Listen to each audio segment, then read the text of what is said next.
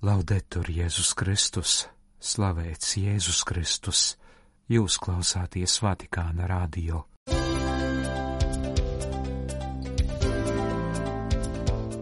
Esiet sveicināti, godātie klausītāji! Pāvests pieņem audiencē Argentīnas Republikas prezidentu. Kā saprast to, kas cilvēku kvalificē kā cilvēku? Vatikānā ierodas Pontificālās dzīvības akadēmijas rīkotās sanāksmes dalībnieki. Rīgas palīgbīskaps Andris Kravalis atskatās uz starptautiskā priesteru formācijas semināra norisi Romā. 13. februāra raidījumu noklausīties aicina Jānis Vertovskis.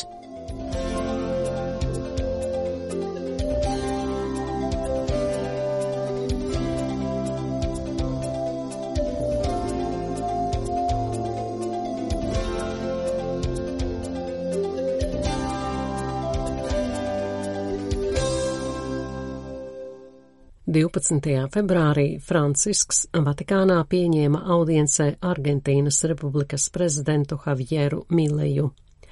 Pēc tikšanās ar pāvestu sekoja Argentīnas prezidenta saruna ar Vatikāna valsts sekretāru kardinālu Pietru Parolinu un sekretāru attiecībām ar valstīm un starptautiskajām organizācijām arhibīskapu Polu Ričardu Galageru.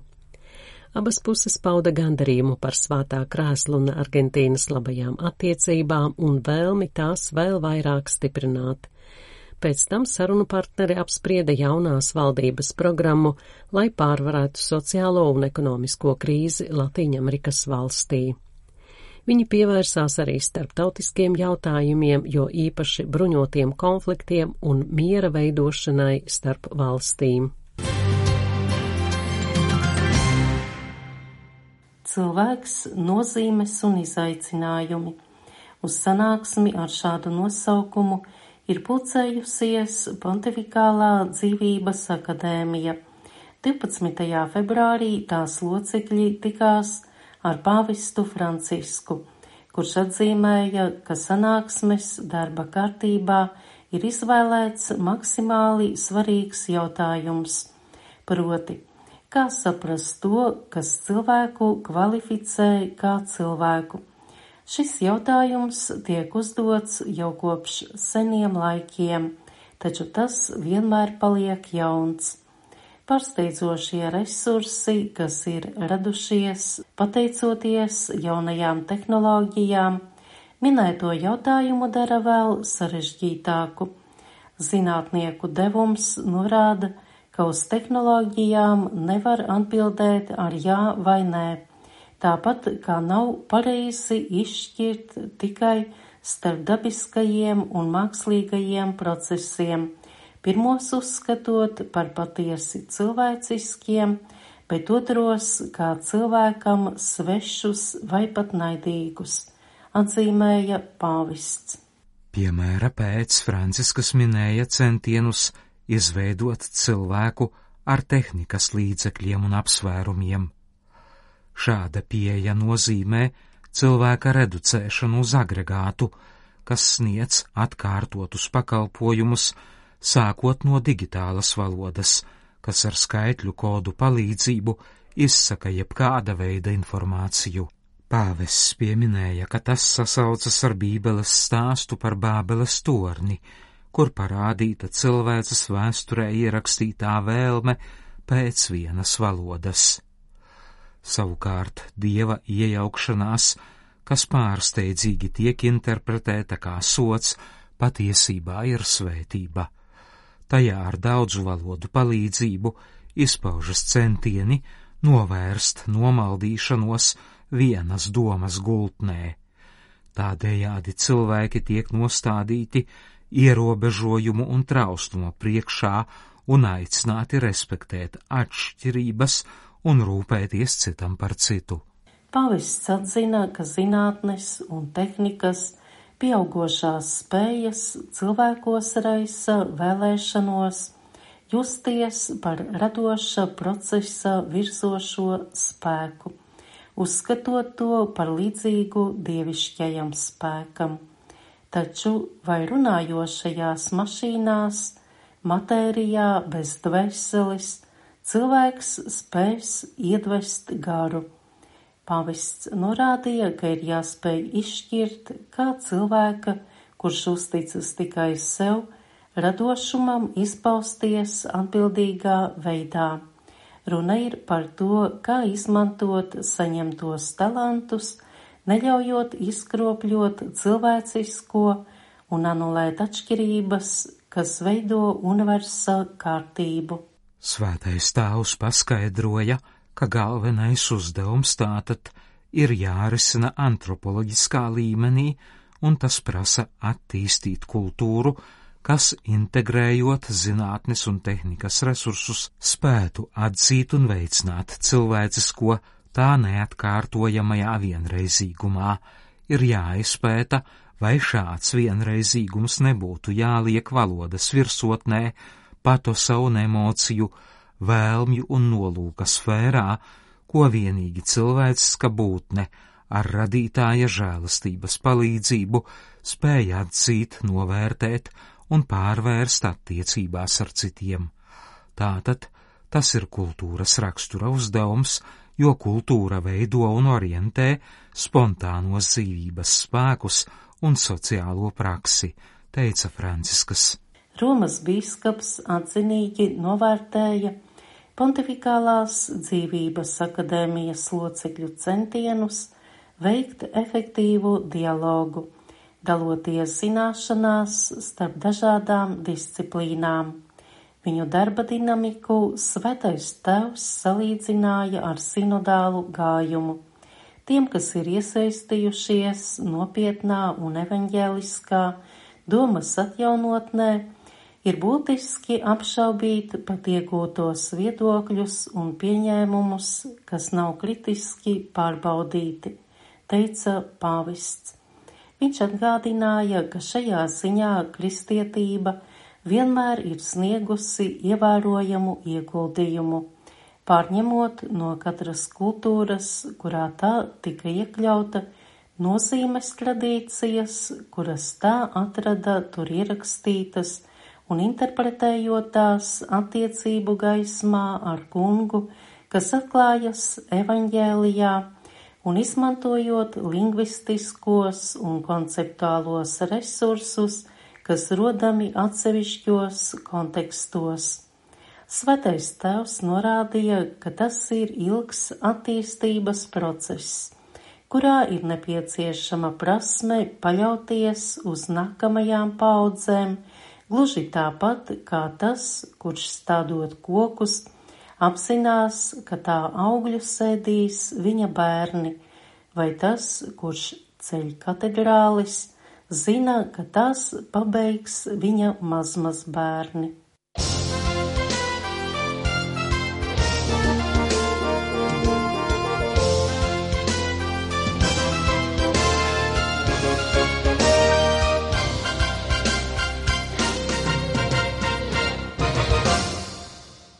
bija liels prieks no 6. līdz 10. februārim ņemt dalību starptautiskā priestara formācijas seminārā, ko rīkoja Klēra kongregācija. Un šajās dienās eh, mēs eh, pārdomām vairāk par priestera kalpošanu, priestera pilnveidošanos. Zīmīgi, ka šeit vairāk kārt bija gan eh, garīgo semināra rektori, tie, kas ir iesaistīti priestara formācijā, ļoti daudz arī bīskapi, vairāk kā 80 valstis, kas tika šeit pārstāvētas, bija vairāk kā 800 cilvēki. Un pārsteidzoši, ka tās nebija tikai vienkārši tādas sausas lekcijas vai priekšlasījumi, bet um, visi dalībnieki bija iesaistīti darbojoties grupās, uh, arī meklējot, uzklausot labus piemērus, runāt par izaicinājumu, tādiem punktiem, runāt par to, ko katrs uh, no mums varam darīt, lai Eh, priestara formācija kļūtu par tādu nu, neatņemu priesteriskās dzīves un kalpošanas eh, pamatstāju. Bieži vien mēs par to domājam, ka tas ir saistīts tikai ar pēc semināra posmu, bet šeit tik uzsvērts, ka priestara formācija norisinās visas dzīves garumā, un eh, katros tādos atsevišķos priestara dzīves posmos tam ir ļoti nozīmīga, svarīga nozīme. Ja šo pasākumu tad organizēja klēra kongregācija un zīmīgi, ka arī bez Romas katoļu baznīcas priesteriem bija arī šeit grieķu katoļu garīdznieki atbildīgie, kas domā par formāciju. Un mums bija, protams, arī tikšanās ar svēto tēvu, kurš atgādināja, cik svarīgi priesterim ir būt dieva tautā, apzināties dieva tautas cieņu, skaistumu, lielumu un arī būt priecīgam priesterim un tieši tajā savā sūtībā, identitātē rast spēkus, lai kalpotu, lai būtu ar misionāru evaņģēlisku stāju gan savstarpējās attiecībās, gan arī savā dzīvē un kalpošanā. Man personīgi arī uzrunāja gan šīs tikšanās grupās, kas bija pilnīgi, ja tā var teikt, pēc sinodālā tādā izpratnē, kur katram ir jāizsaka savas domas, pēc tam nākošajā riņķī ir jārezumē citu teiktais, un pēc tam pēc kāda klusuma brīža, pēc klausīšanās bija arī jāsaka, ko gars iedvesmo, kādi ir tie labie piemēri, ko esmu sapratis no šīs dalīšanās, ko es konkrēti pieņemšu kā tādu savas dzīves garīgo stāju un lēmumu.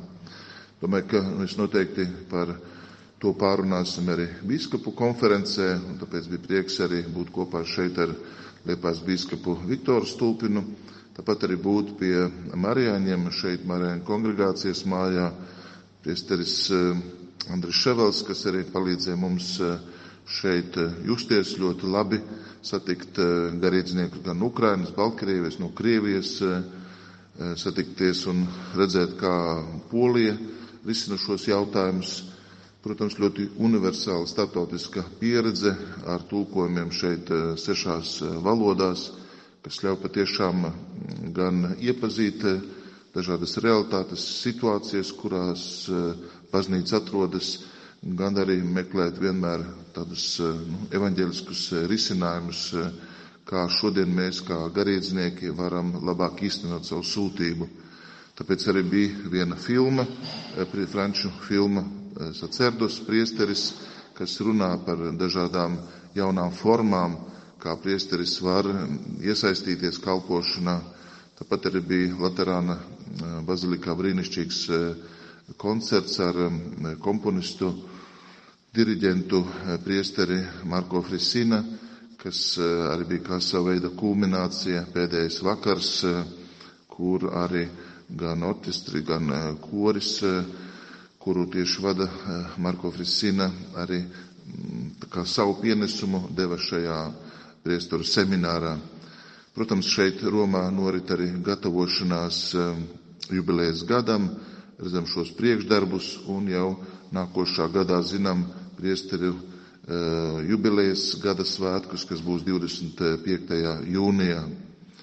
Paldies arī par iespēju un centīsimies šīs varbūt prasmes, zināšanas, pieredzes, konferences kuras šeit uzklausījām, tās atziņas arī nest eh, Latvijā priesteru vidē, pārunātās eh, gan priesteru eh, konferencēs, gan arī dekanātu tikšanās.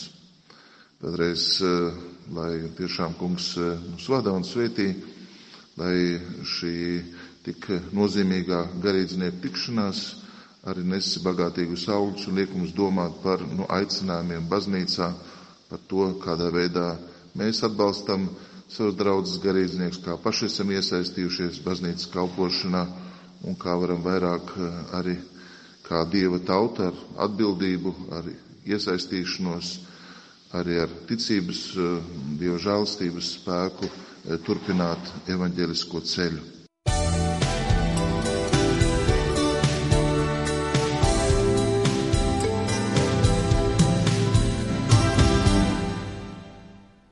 Apvienība laulāto tikšanās ir starptautiska apvienība, kuras mērķis ir vīra un sievas attiecību pilnveidošana un atjaunošana dialogā. Arī Liepājas diecēzē no šī gada 4. februāra apvienība laulāto tikšanās piedāvāja sadarināto un iemīlējušos vakarus Kuldīgā Svētā Pāvila rekolekciju mājām. Šīs nodarbības bija paredzētas pāriem, kuri šajā vasarā vai rudenī plāno laulības katoļu baznīcā kā arī tiem pāriem, kuri vēl neplāno laulības, bet vēlas labāk viens otru iepazīt un pārliecināties, ka blakus esošais cilvēks ir tieši tas, ar kuru gribas pavadīt kopā atlikušo mūžu.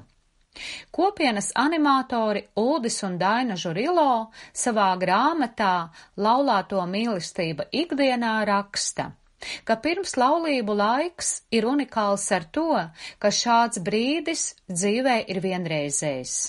Tas, ko divi mīloši cilvēki izdarīs savu attiecību labā šajā laikā, būtiski ietekmēs attiecību kvalitāti laulībā. Turklāt šāda laika vairs nebūs. Tādi vārdi no ilgadējo animatoru puses ir ļoti viedi, jo katram pārim, kurš grib savu savienību veidot uz mūžu, ir vēlreiz un vēlreiz jāpārliecinās, ka izvēlētais cilvēks ir tiešām īstais, ar ko veidot ģimeni. Gatavojoties laulībai, visiem, īpaši jauniem cilvēkiem, liekas, ka viss jau ir zināms. Viss ar otro pusīti ir izrunāts un nav jau nekā jauna, tomēr izrādās, ka daudz kas netiek pateikts, atklāts un noskaidrots pirms laulībām. Pat jau kā laulātajiem Ikdienā tiek atklātas arvien jaunas lietas, kuras ļoti vēlams ir izrunāt vēlreiz no jauna un restartēt attiecības savā starpā. Savukārt jau laulātie pāri tiek aicināti uz nedēļas nogales rekolekcijām no 10. līdz 12. maijam Kuldīgā Svētā Pāvila rekolekciju mājām. Nedēļas nogales vadītāji piedāvās tēmas un dialoga iespējas, lai laulātie no jauna palūkotos viens uz otru un no jauna varētu uzsākt sarunu par savām attiecībām. Laulātie tiks aicināti nolikt malā ikdienas rūpes un atcerēties, kāpēc konkrētais cilvēks bija tas, kuram gribējās teikt jā vārdu pie altāra. Attiecībās caur dialogu un rekolekciju mācību laulātie varēs atsvaidzināt savas jūtas un atvērt jaunu lapu.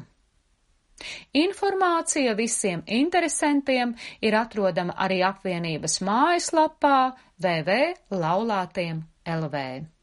Sanite Zustere, speciāli Vatikāna rādio, Liepājām.